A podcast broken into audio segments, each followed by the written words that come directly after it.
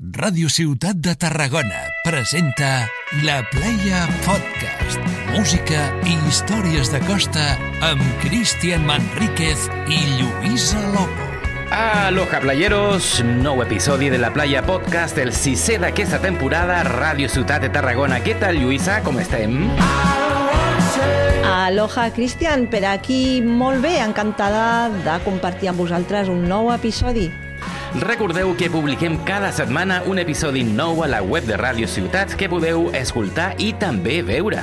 Així és, i recordeu que a les xarxes i a les plataformes ens trobareu com la Playa Podcast. Aquest és el menú playero d'aquesta setmana. Estàs escoltant La Playa Podcast. Tots els protagonistes del surf i les seves modalitats del litoral català a Ràdio Ciutat de Tarragona. Avui ens visita a l'estudi Roger Cugat, un enginyer dedicat al món immobiliari que va descobrir el surf fa 23 anys, un descobriment que el va salvar la vida. En aquest episodi de La Playa Podcast entrevistem a Elisabet Merino, especialista en fitness i subyoga, una de les pioneres en fusionar el paddle surf, el yoga i el pilates a la platja de la Barceloneta. També entrevistem la Carme Garcia, una fotògrafa catalana que va decidir amb 44 anys emigrar a Austràlia, on va descobrir un estil de vida i el surf. Presentat els continguts del menú playero d'aquesta setmana, vamos al lío. És enginyer dedicat al món immobiliari fa molts anys, nascut a Barcelona, però viu i treballa a Cambrils. Va descobrir el surf l'any 99, descobriment que el va salvar la vida. Roger Cugat, benvingut a la Playa Podcast. Què tal, Roger, com estàs? Hola, bona tarda. Què va passar el 99, Roger? Explica'ns. El, la veritat és que el 99 eh, estava estudiant, una, vaig començar, vaig iniciar, vaig iniciar una carrera que era de Ciències Marines i, i allà vaig descobrir un, un amic meu que, que estava molt, molt connectat amb, a, bueno, doncs amb el mar i, i feia surf. I ell m'explicava cada cop que anava al, al, al mar a fer surf i dic, però si aquí estem al Mediterrani? I vull dir, aquí no, no hi ha onades. I llavors m'ensenyava fotos m'ensenyava revistes i, bueno, i era, era cada dia cada dia estàvem parlant fins que un bon dia doncs, vaig decidir anar-me a comprar una taula una taula de surf no coneixia eh, només que ell que feia surf i vaig anar a comprar una taula en el Tàctic de Barcelona, de segona mà, i vaig dir, això ho haig de provar. I sí, sí, i, i un dia eh, vaig agafar i em vaig comprar la, la taula i l'endemà ja me'n vaig anar al mar i justament aquell dia hi havia onades. I vaig anar sol, no, no, no hi havia ningú més. I, i vaig veure un noi a, a sobre una moto que estava mirant al mar i em vaig acostar amb ell i, em vaig dir, i li vaig preguntar a veure com estava les oles, que, no, que era el, primer, el meu primer dia i, i res, i em va dir, mira, doncs em vas estar explicant com funcionava, per on havia d'entrar i, i res. I em va dir, mira, el meu germà està allà dins de l'aigua és aquell i, i res, llavors em vaig canviar, me'n vaig anar directe a l'aigua i, i vaig estar, vaig conèixer aquell, aquell noi que estava dins, que era el seu germà i vam estar fent surf i aquell dia ja vaig agafar la meva primera onada que va ser una sensació única i, i res, i quan jo vaig sortir a, a la, on tenia les meves coses em van deixar un telèfon i era el telèfon d'un dels germans i em van dir, si vols seguir fent surf, truca'ns eh, i, ens, i ens trobem. I nosaltres treballem molt a prop i t'avisem sempre que hi hagi onades. I, bueno, i a partir d'allà ens vam fer molt, molt amics i, i bueno, i només dir-vos que, que jo vivia a l'altra punta de Barcelona i quasi cada dia baixava amb el meu cotxe i la meva taula de surf a veure si hi havia onades, perquè aleshores no hi havia partes, no hi havia eh, previsions online, i llavors jo baixava quasi cada dia a fer surf. Bueno, això és una mica dels meus inicis, però, però vull dir, em va salvar el surf perquè jo passava d'una situació bastant complicada a la meva vida. Vull dir, jo crec que estava passant una depressió, a nivell que no tenia cap motivació a la vida, a la meva vida no tenia gaire sentit, no li trobava sentit. I quan vaig descobrir el surf és com si se m'il·luminés tot, se m'il·luminés a, a un món nou i la vida em va, em va somriure. Per això dic que el surf em va treure d'un lloc una mica fosc, on estava, i va ser una connexió amb la natura, eh, amb el mar, amb l'oceà, eh, que era indescriptible i aleshores va ser com una obsessió.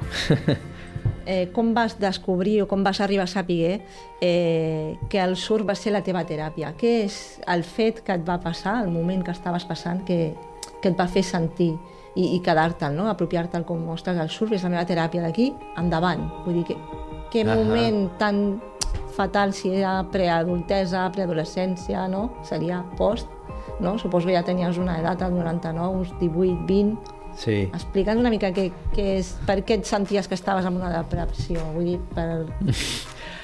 A veure, a nivell personal et podia explicar moltes coses, però mm, eh, bàsicament mm, jo era una persona que havia, esta, havia fet molt, molt esport durant sempre, des de ben petit, i quan va arribar l'adolescència ho vaig deixar.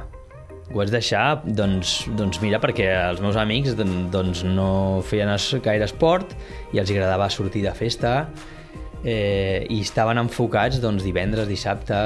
Eh, i, bueno, I jo em vaig afegir en aquest moviment que, que mai havia anat amb mi, però que jo vaig seguir per una mica pues, per, per fluir eh, pel riu, com, com, com anaven tots, i durant bastants anys vaig estar doncs, fent aquesta dinàmica i sense fer esport. I llavors la meva vida es, va ensorrar a poc a poc. Vull dir, jo era una persona que anava bé als estudis, eh, amb, bueno, pues, eh, amb les notes i així, i des de que vaig deixar l'esport, doncs, eh, me'n vaig anar baix.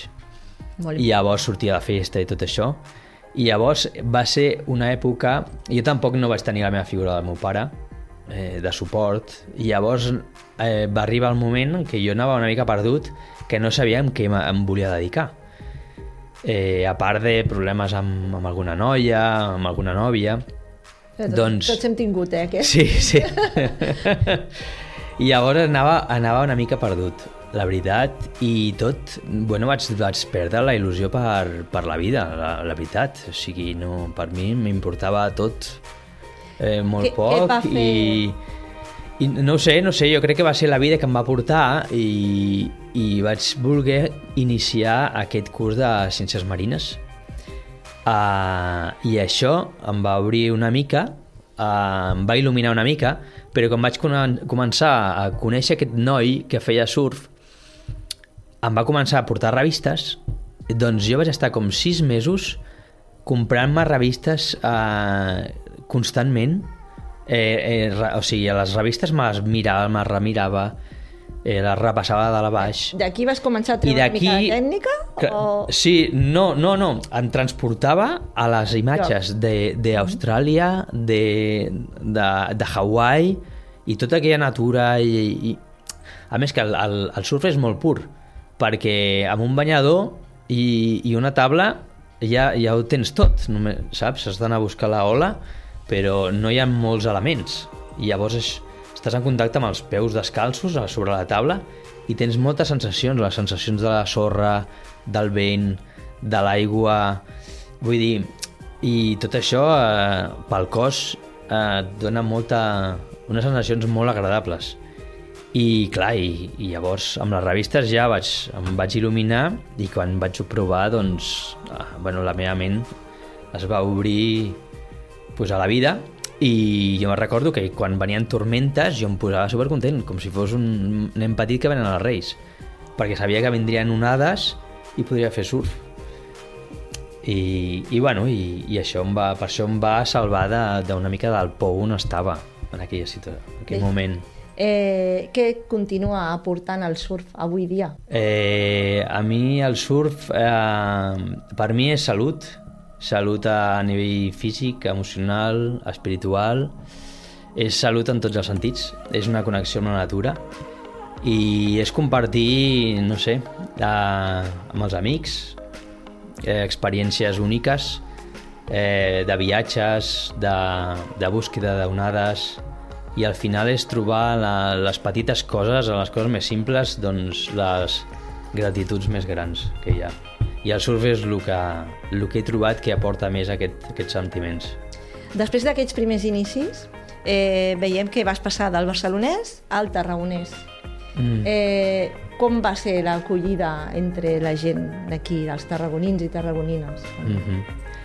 uh, jo vaig com els meus inicis va ser a Barcelona, durant molts anys, fent surf allà a Barcelona, fins que vaig conèixer la meva dona, i la meva dona era de Tarragona. I llavors jo aleshores estava vivint al Maresme, perquè la meva mare estava malalta, i llavors estava vivint amb ella, i jo li vaig dir, escolta, per què no et vens aquí a, al Maresme, que es viu molt bé? I em va dir, no, no, no, baixa tu, baixa tu a Tarragona, que ella bueno, era funcionària, i vaig baixar a Tarragona i, i vaig veure...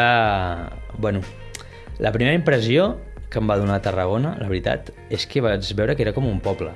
Vas descobrir un altre...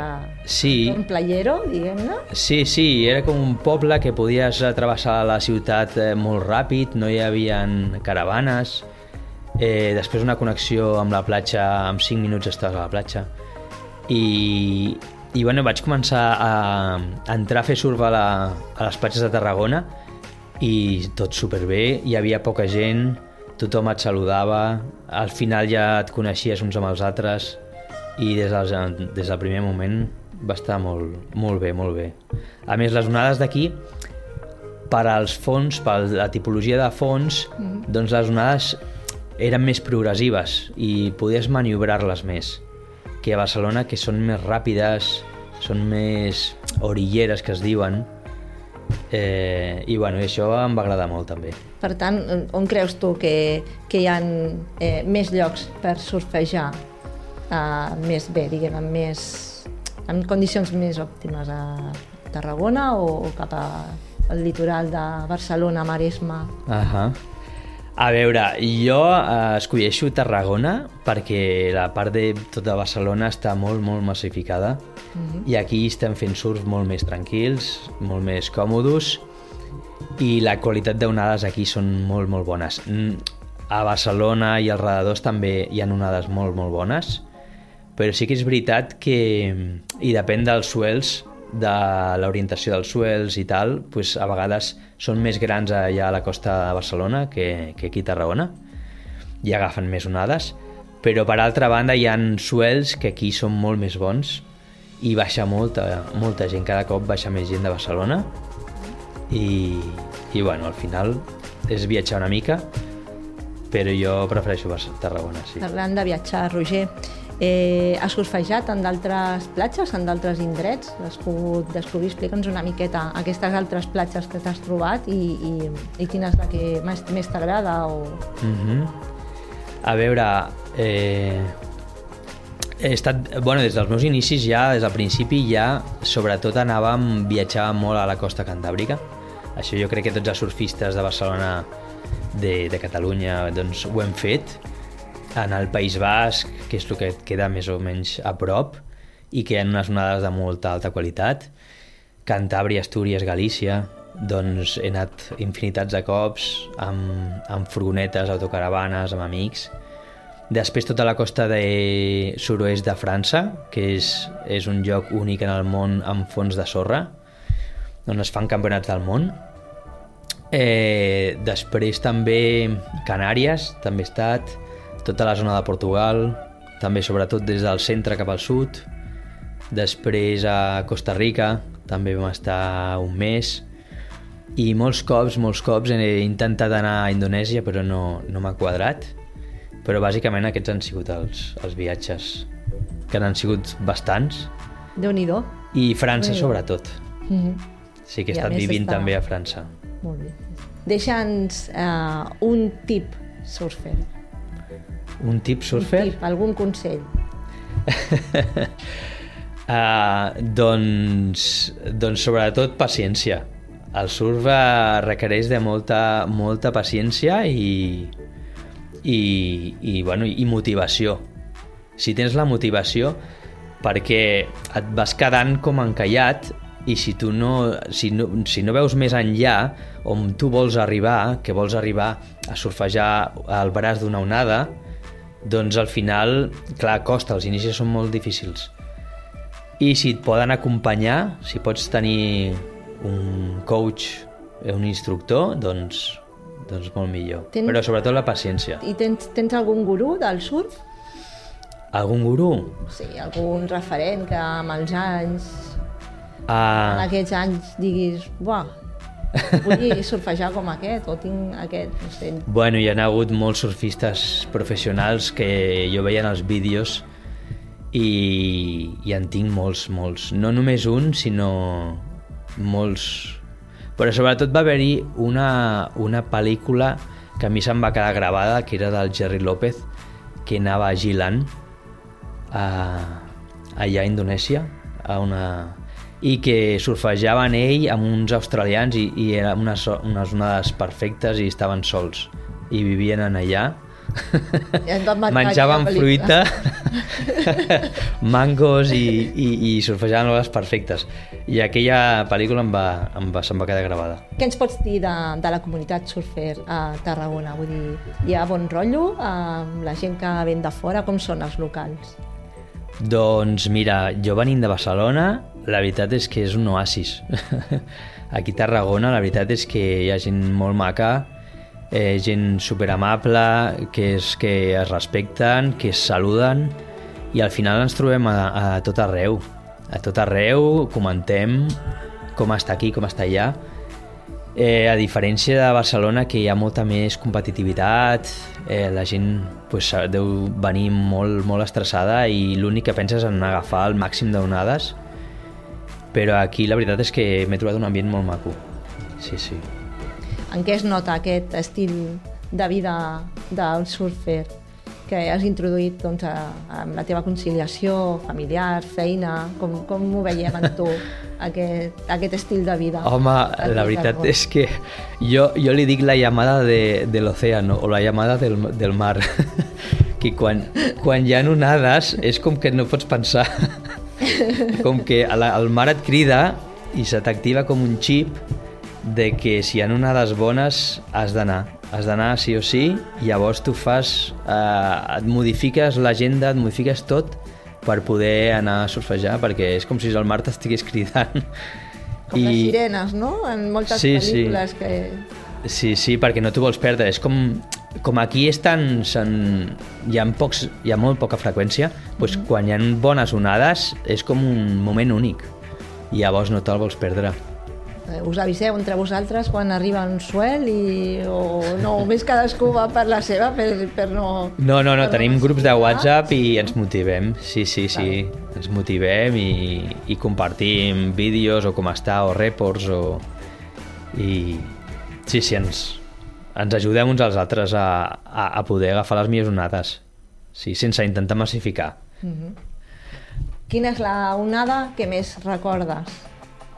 La, la onada que més recordo, uh, mira, va, doncs, doncs va ser a Sant Sebastián, a la Zorriola, i devia portar ni un any i, i va ser un viatge amb uns amics que coneixia molt poc, que em, em vaig apuntar amb ells, i, i allà a la Zorriola van, era un dia que estava de més de 3 metres i, i des de fora feia por, feia por. I, i vam entrar a mirar vam entrar a veure el que, les sensacions que tenia. I llavors ens vam posar en, en el pico de la ola on, a, on estiràvem ple de corxeros a, a per totes amb unes onades de més de 3 metres i, i bueno eh, jo estava bastant cagat de por.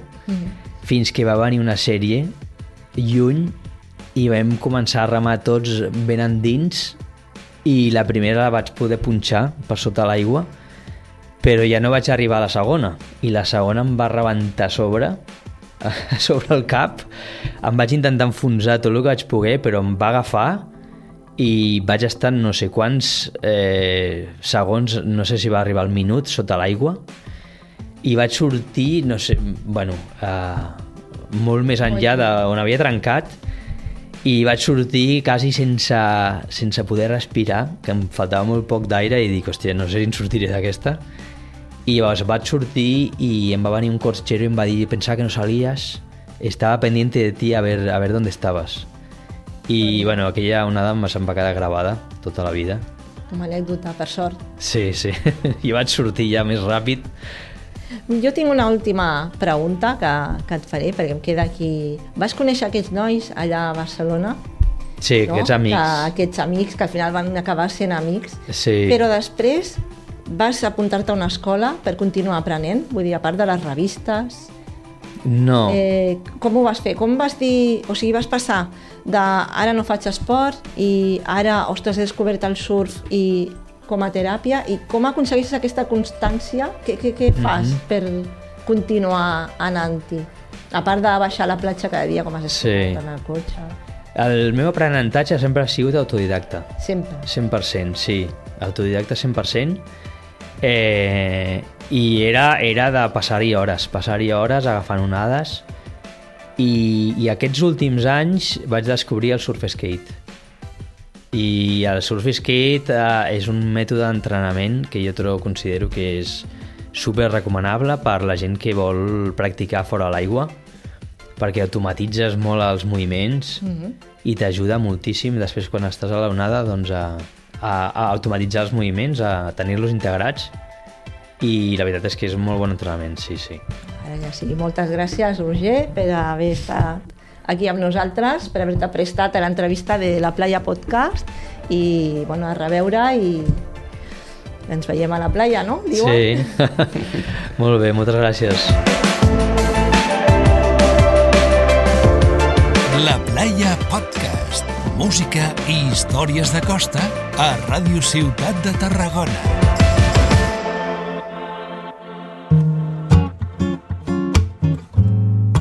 La Playa Podcast, cultura surf y buenas vibraciones. Mira lo que traen las olas, las olas. Elizabeth Merino, ¿qué tal? ¿Cómo estás? Especialista en fitness, pilates y yoga, fuiste la primera en fusionar estas prácticas sobre una tabla de paddle surf aquí en la playa de la Barceloneta. ¿Te imaginaste alguna vez allá, por 2013 más o menos que fue esto, no? Sí. Que esta práctica tendría tanto éxito aquí en la playa. La verdad es que no. Tampoco sé bien bien qué pensaba cuando empecé con todo esto. Me, me tiré a la, a la piscina, pero si me paro la vista hacia atrás, no, jamás me imaginé que podía al final dedicarme única y exclusivamente a, a vivir de, de esto, de mi pasión, del mar sobre todo. Así que no, no me lo esperaba. ¿Cómo empezó todo? ¿Empezó con pilates en la arena?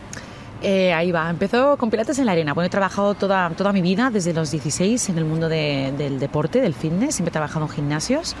Y hubo un momento que empecé como a, a bloquearme y a estresarme, porque como empiezas como a ascender en gimnasios de coordinación y dejas como de tener tu esencia, que mi esencia es estar con la gente y deporte, pensé, ¿cómo puedo hacer para desconectar un poco mi cabeza? Amaba el mar y fue como, bueno, pues voy a intentar dar unas clases con unos pareos en la arena a ver qué pasa de pilates.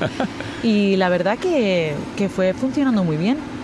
La gente como muy abierta, fue una de las primeras porque, como hablamos previamente en la entrevista, antes en la playa de la Barceloneta no, no estaba como está ahora, no estaba el paseo así, ni había tanto comercio, de hecho era más bien un poco peligroso eh, y la gente no venía a entrenar a la playa, así que fue como algo como muy novedoso y fue muy, muy bien acogido por la gente, ¿no? Un poco de aire libre, un poco de sol, salir un poco de, de los centros de gimnasio, así que, que fue la repercusión fue muy buena, la verdad. Conozcamos un poco más de tu vida, Eli. Naces en Terraza, ¿no? En Sí, Terrassa, Un poco sí. lejos de la playa. ¿Cómo, cómo, Bastante lejos. ¿cómo recuerdas tu, tu niñez? ¿Qué querías ser de, de niña, por ejemplo? Yo lo tenía muy claro, yo quería ser profesora de aeróbic. Yo te- tenía muy claro que quería dedicarme al, al mundo de- del deporte, de, de bailar y de estar en, en gimnasios. Lo tuve clarísimo desde que tenía 11 o 12 años. Así que me puse a ello y a mis 16 años me saqué mi, primero, mi primer título de monitora de aeróbic. Y te costeaste esos estudios trabajando los fines de semana en un McDonald's. Totalmente, sí. Totalmente, sí, sí. ¿Cómo, ¿Cómo recuerdas esos años? Horribles, lo recuerdo horrible porque era como un trabajo horrible. Yo creo que ahí más me, me, me- me daba cuenta de que lo importante que era trabajar de lo que querías, ¿no? Porque me veía en ese fin de semana en el McDonald's trabajando que de pronto tenías que limpiar un baño, que aguantar un- a alguien o poner una hamburguesa y ahí pensaba, madre mía, ¿qué estoy haciendo yo aquí? Yo esto no lo quiero y fue un poco más lo motivante a permitirme pagar ¿no? en la formación y venir a Barcelona en tren y decir, no, no, eso es lo que quiero, todo clarísimo y voy a por ello. Y comienzas a grabar, a, a, a, trabajar a partir de entonces en una cadena de gimnasios, ¿no? Empecé primero con pequeños gimnasios en Tarrasa, mientras a la vez estaba trabajando en McDonald's y luego por parte de familia me obligaron a estar de administrativa por las tardes en, en una empresa que se llama Cirsa. Y iba al salir, típicas clases de gimnasios de barrio que hacían como de 8 a 9, de 9 a 10, y trabajaba en, en gimnasios de barrio hasta que pasados como los dos años, 18 años, eh, vi una oferta en el Club Natación Barcelona, justo delante de la playa, donde era la, para mí la primera vez y primera opción donde podías dedicarte única y exclusivamente a trabajar en el mundo de los gimnasios con un contrato, pues bueno, de que te daba como una jornada entera y ahí fue cuando decidí dejar atrás eh, Tarrasa y adentrarme en, en, Barcelona. Y comienzas a vivir aquí, ¿no? Y empiezo ¿Sí? a vivir aquí, sí. ¿Y cómo se gesta la posibilidad de empezar a hacer la fusión esta del, del, fitness, el yoga y el pilates? Pues yo creo que fue porque empezaba como a, a ver tablas de, de pádel, ¿no? Era como veías una así como qué raro es esto, ¿no? Que aparecen por aquí, la, las ibas viendo por allí, por allá. Gente yo, caminando en una tabla sí. por el mar, qué raro. Además, que justo yo había probado por primera vez en mi vida, eh, el papá de mi hija fue el que me introdujo en el mundo del surf, ¿no? Entonces yo ya estaba como conectada con el mar, de siempre de pequeña, no con el mar de pequeña era más de río, pero siempre era agua a mi alrededor. Y entonces pensé, digo, ¿y esta puedo hablar un poco mal, digo, ¿y esta mierda qué, qué es? ¿no? Esto que tienen aquí son ayolas. Entonces como que empiezas a mirar y sí que es cierto y bueno, ves a mirar a internet y ves que en otros países pues empiezan a trabajar encima de la tabla y ahí pensé, oye, lo voy a probar no tengo nada a perder, voy a, voy a hacer lo que hago aquí, obviamente adaptando, porque es un medio que desconoces, ¿no? Es muy inestable, estás en el mar, ni siquiera sabía cómo atar a la gente, cómo hacerlo. Y bueno, y empecé ahí como a hacer mi pequeña fusión de entreno, colaborando con una, con una tienda de surf que había aquí antes, eh, el famoso Bolas de la Barceloneta, uh -huh. que se llama Jordi, ¿no? Si no me acuerdo, Creo si que no sí. recuerdo mal, sí. Y fui a él, hablé con él y me dijo, tú estás chalá. Digo, bueno, vamos a intentarlo. Y la verdad que de las mismas chicas que venían conmigo en la arena, les empezaba a comer la, la, oreja. Oye, ¿qué os parece si lo probamos ahí en la tabla? Porque yo he visto, porque vamos a hacer, porque vamos a probar. Y fue como, bueno, va, probemos. Y probamos y fue increíble, fue increíble. Porque además fue como la primera, la verdad que la primera clase fue caótica porque no sabíamos dónde atarnos y estaba Jordi aguantándonos a todos en mitad de la corriente, que no seguíamos para arriba para abajo. Pero fue muy bien, la sensación fue bonita, la verdad. Si miramos atrás y ves cómo comenzaste y cómo está esto en la actualidad, ¿cómo lo ves? Una locura maravillosa. la verdad que no, nunca me lo hubiera imaginado. Porque se han unido más centros a hacer lo mismo que hacías tú en esos comienzos, ¿no? La verdad es que sí. Además, yo llegó un, un momento en que además patenté toda mi metodología de entreno, tengo toda patentada y registrada a nivel internacional con, con abogados y con gente que he encontrado en mi vida el mundo del deporte que me ha ayudado muchísimo. Hablamos desde la Consellería de la Sport y centros de formaciones en, en Barcelona, porque realmente era algo en lo que creía y me, y me encantaba poder enseñarlo a gente que quería dedicarse como yo en, en el mundo del mar, del, de, del mar y cambiar un poco su vida. Así que empecé a hacer formaciones, ¿no? Y esas formaciones me han encantado hacerlas, pero a la vez también he criado cuervos, ¿no? Donde me he encontrado de todo. Llevo, no sé, ocho años de formaciones en mi espalda, de gente que todavía sigue trabajando conmigo como profesora cada temporada, como Mireia, que la, tengo a mi lado desde, desde casi el inicio, a personas que, bueno, que realmente se han puesto literalmente a mi lado y han ido a, intentar siempre, ¿no? Con, con, esa competencia que yo nunca he querido tenerla. Eh, para mí el, el mar es, es, enorme, es como en el mundo del gimnasio, o sea, yo todos mis amigos son profesores de la misma profesión, nunca he estado ni, ni me he dejado um, afectar por la competencia. Además, hay una cosa que yo siempre digo, que esto es como la Coca-Cola o la Pepsi. Todo el mundo sabe quién es la original. Hay, hay, lugares en el mundo eh, que parecen estar destinados para ti, que, están, que hay una conexión especial con esos países. ¿Es Costa Rica ese lugar en el mundo para ti? Costa Rica sí, Costa Rica está, está ahí parte de mi corazón y, la verdad que es uno de los destinos en los que seguramente en, en muy poco eh, me vaya a vivir. Sí, tanto sí. así. ¿Cómo, cómo, cómo fue tu primer viaje a Costa Rica y qué, qué significó para ti? Pues mi primer viaje a Costa Rica fui invitada. De hecho, fui invitada haciendo un tour con mis clases de Pilates Sub con una cadena de hoteles.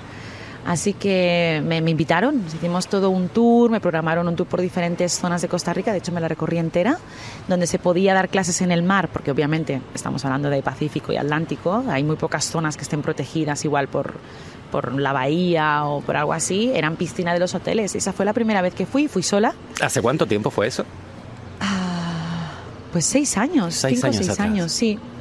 Entonces eh, fue un viaje que, que me encantó porque me lo, corre- me lo recorrí entero, conocí a gente muy bonita y además haciendo lo, lo que es mi pasión, ¿no? Y ahí empecé a, bueno, como sabes, trabajo en redes, empecé a compartir y empezaba a dar tips de Costa Rica y todo el mundo era como, ay, quisiera ir contigo, dame algún consejo. Y ahí fue cuando pensé, bueno, pues en vez de aconsejaros, voy a crear aventuras y experiencias en Costa Rica. Ahí empecé con grupos de gente y realmente es, es un país que me, me ha hecho conectar muchísimo por las vivencias que he tenido con gente, por llevar gente ahí, porque es un país eh, súper consciente, que ama la tierra, no verás suciedad en la calle, lo- los ticos aman la naturaleza, no hay ejército. Es, esto tiene todos los ingredientes como para estar en plenitud. Me encanta, me encanta. Y estás yendo casi ca- cada año, Cada ¿no? año, cada Sí. año organizo viajes, eh, dos viajes por año. Me llevo un grupo de gente y es toda una experiencia de travel with Ellie, de bueno, de surfing, de pilates, de aventura, de tour, de conexión con la gente local, porque al final ya eh, tengo ahí casi, bueno, casi mi familia, pero llevo tres años celebrando Navidad con esa familia, sí, imagínate, más que con la mía, que ya me conocen y es como, ala, tira, tira para Costa Rica. Así que, que sí, es, es una conexión muy especial. Después de tanto tiempo eh, ejerciendo tu profesión, desde los inicios del, del sub-yoga aquí y hasta ahora, que estás en una etapa de tu vida, ¿en qué etapa de tu vida estás? Pues yo creo que la mejor, la verdad que estoy en una etapa de, de más como de, de madurez, de más de disfrute de lo que hago, de no darme eh, tanto trabajo, tanta carga física, sino de poder escoger cuándo hago una clase, cómo lo hago, de poder escoger los viajes que quiero hacer. eh, me veo en un momento con mucha plenitud, la verdad. Me ¿Te veo sientes muy en calma. realizada? Sí, total. Sí. Sí, sí. La verdad es que sí. ¿Por qué? porque creo que he conseguido todo lo que me he propuesto a nivel, a nivel laboral. Eh, me he demostrado a mí misma que no es el eh, cómo voy a llegar ahí, sino el qué es lo que quieres. ¿no? Y me, me lo he planteado siempre así mi vida y hasta ahora he conseguido eh, to- todo lo que, lo que me he propuesto. Eh, he encontrado personas y porque lo he luchado y lo he soñado y al final, ¿cómo no te vas a sentir realizada cuando ves que has conseguido lo que, lo que quieres? Así que sí, realizada y orgullosa. Elizabeth Merino, muchas gracias por darnos el tiempo de conocerte A mejor vosotros. y que Vosotros. te deseamos lo mejor. Muchas gracias. En Costa Rica Ahora- o en Barcelona. Sí, bueno, ahora os espero un día en las tablas, sepa salir a remar. Ahí estaré. Lo vamos a grabar todo. Ahí estaré. muchas gracias. Gracias.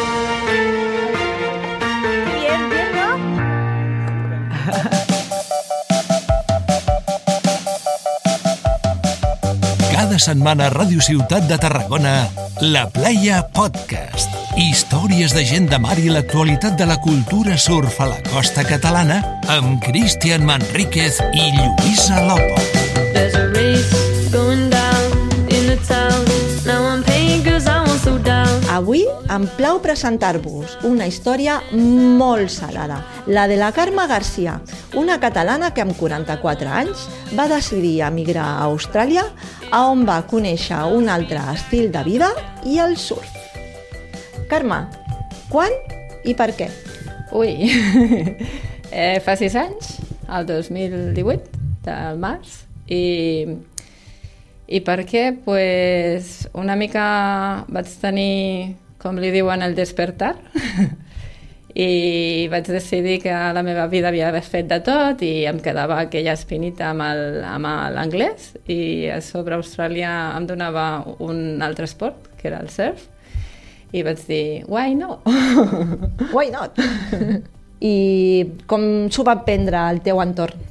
Bueno, va ser, va ser complicat. Bueno, jo tenia una, una vida una mica estàndard, com, com tothom, no? Un bon treball, una bona feina. Una zona de confort, diguem, Sí, no? i bueno, un dia em vaig aixecar i em va donar la sensació que no era suficient i vaig, eh, em vaig eh, divorciar i juntament amb el divorci vaig eh, intentar una mica obrir, obrir-me al món no? I, i veure una mica més, més enllà de, de lo que el meu dia a dia m'estava donant, que no era poc, Mhm. estic molt agraïda, però per mi no era suficient. Em donava la sensació que havia arribat a uns anys, no? 44, i que em quedaven coses per fer i no havia fet.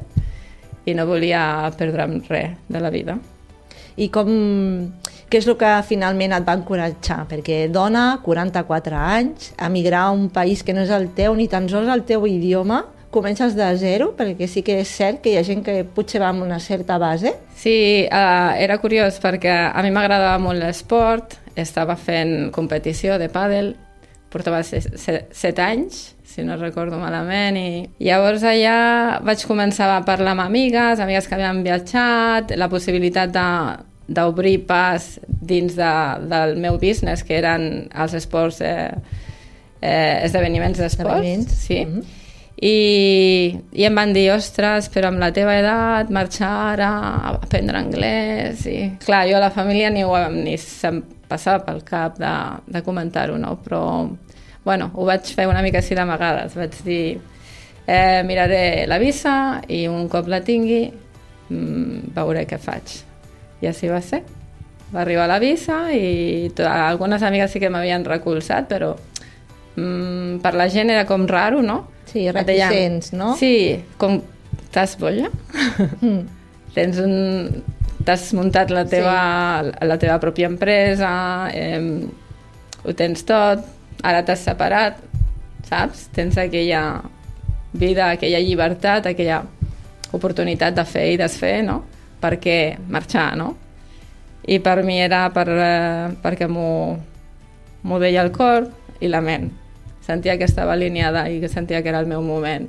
I no pensava molt més enllà. Era, havia, tenia el diner i ho podia fer. I ho era ara o ja no ho faria mai. I una vegada arribes allà, eh, et trobes un estil de vida completament diferent, eh, òbviament, al que estaves fent ara, però com, com és el dia a dia allà? I, i sobretot, eh, com t'inicies al surf? Allà va ser dur, va ser dur perquè vaig arribar que no sabia parlar anglès. La meva, la meva intenció era aprendre anglès i, i bueno, eh, vaig escollir primer una ciutat pensant en que podria fer el que més m'agradava, que en aquell moment era el pàdel. I, I vaig mirar Byron i vaig veure el faro de Byron Bay i vaig pensar, oh, és, la me és el meu lugar, no? I a raïl d'això, eh, quan vaig arribar i vaig trepitjar aquella sorra, va ser com arribar a casa. Tot i així que era diferent eh, idioma, que, que no, no en tenia res, perquè no és només anglès, és Aussie, és Aussie. així que va ser complicat per mi. Però feliç, molt feliç d'arribar allà de- d'aquell oasis, perquè per mi ho era, no? Mm -hmm. la natura d'allà i, i arribar... Recordo el primer dia que vaig arribar a la, a la, a la platja i vaig veure, no sé, igual havien 40 persones a dins de l'aigua gaudint del, del, del surf i tinc a la ment uh, un pare amb dos nens, un penjat a, a dalt i l'altre Un acollidet, Sí, no? sí, sí, sí, sí. I, i l'altre davant, no? I jo vaig pensar, ostres, a la vida mai m'havia plantejat ser mama, ser mare. I, I en aquell moment vaig dir, si hagués nascut aquí, probablement ho hagués, ho hagués estat. Sí, Ara- sou, sí. Sou, sou, sí, sí. Ara ja fa sis anys d'aquest moment, no? de- Sí. d'aquest dia. Eh, els inicis. La primera vegada que agafes la, la taula, quan va ser? En quina platja? Si Pues, el prim, la primera vegada va ser amb una catalana, també. Ella, ella venia de Galícia, perquè el seu novi era de Galícia, i estava estudiant anglès, també. I recordo que, que bueno, ella sabia, no? Llavors jo vaig anar amb ella. No, encara no havia fet cap classe ni res de, de surf i, i recordo anar molt, molt a la... saps? A la... Eh, a la, A la platja, a la vora de la, a platja, vora, no? Sí. I llavors, eh, ja, allà ja vam començar a, a posar-nos a, a sobre. Va ser a De Paz. És una platja molt, mm Mhm. Allà mateix a. Byron o Byron la Bay, zona? sí. Ah.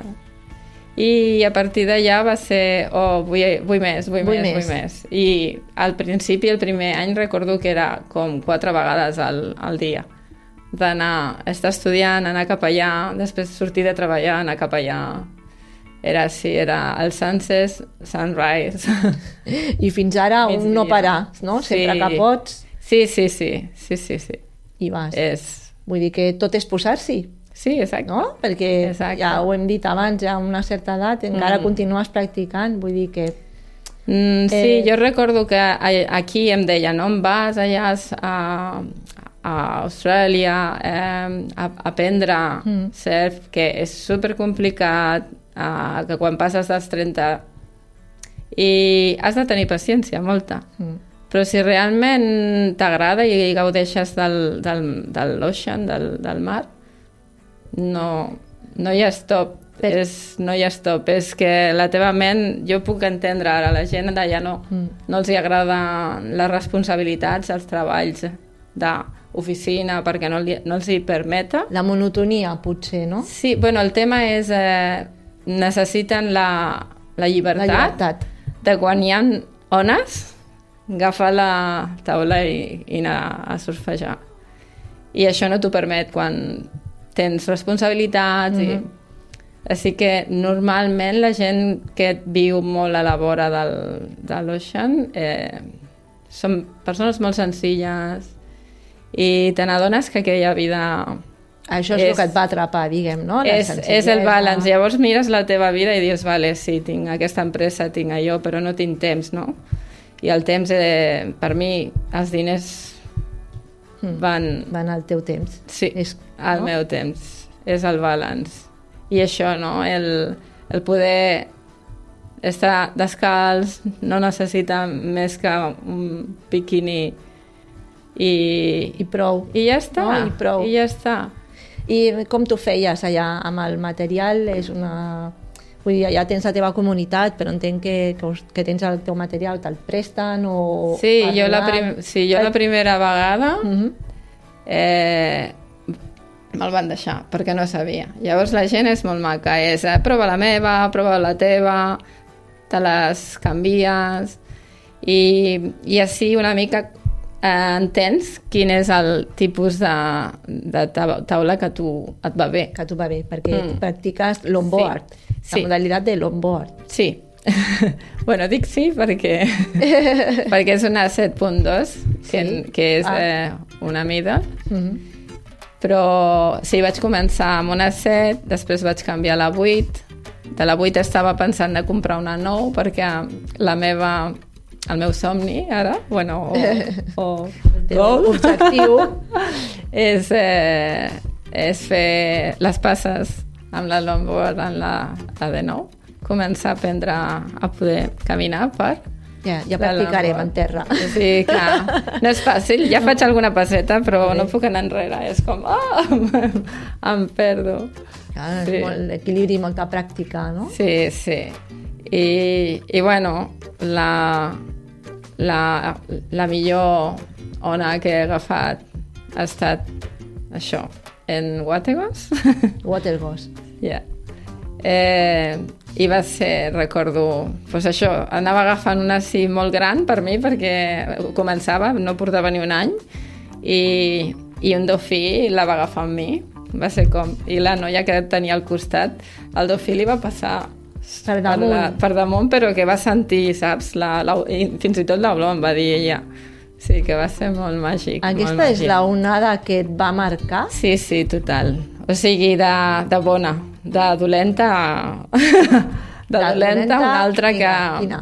Una altra que vaig agafar, vaig caure de pic i, i recordo que quan eh, la onada em va, em va vol- voltar, recordo que va, em vaig girar així i vaig sentir tota la columna crac, crac, crac, i jo pensava que m'havia trencat l'esquena.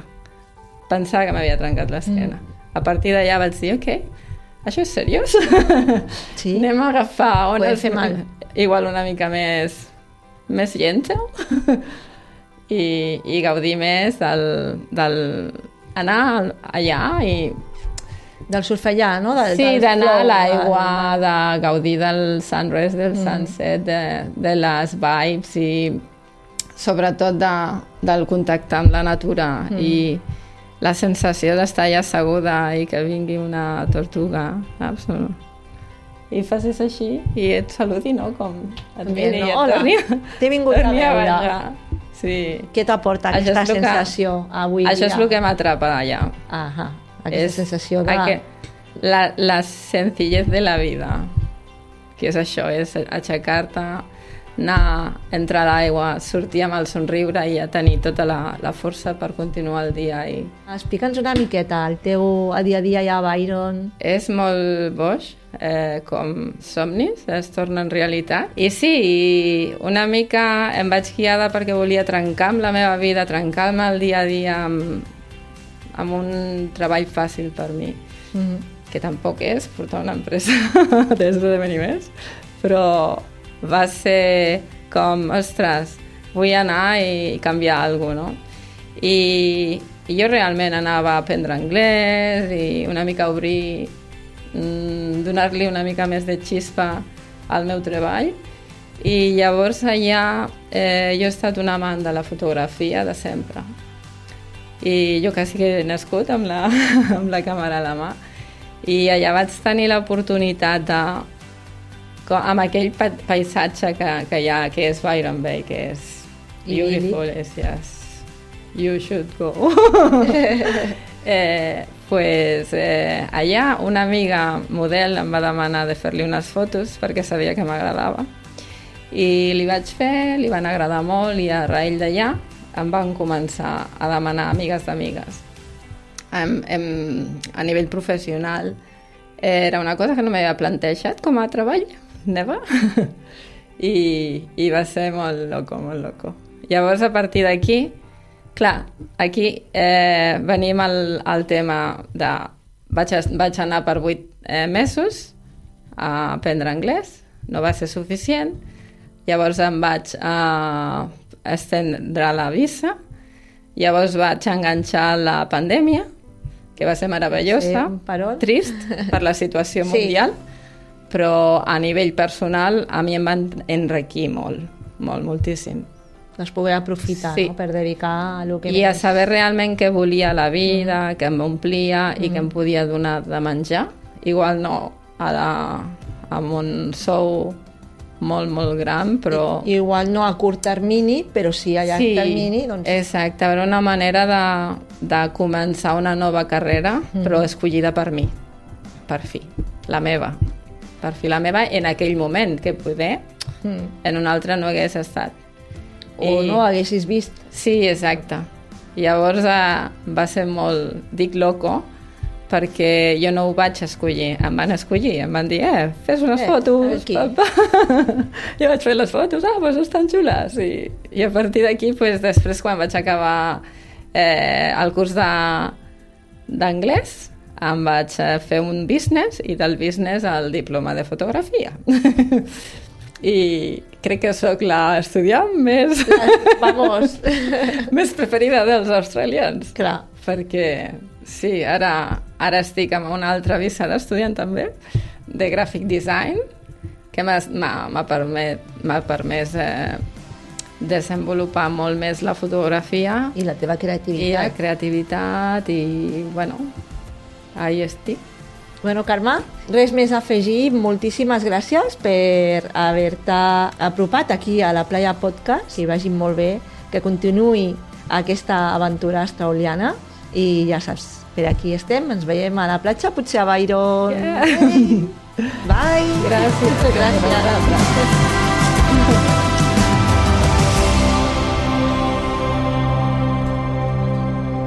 Has escoltat La Playa Podcast. Música i històries de costa a Ràdio Ciutat de Tarragona.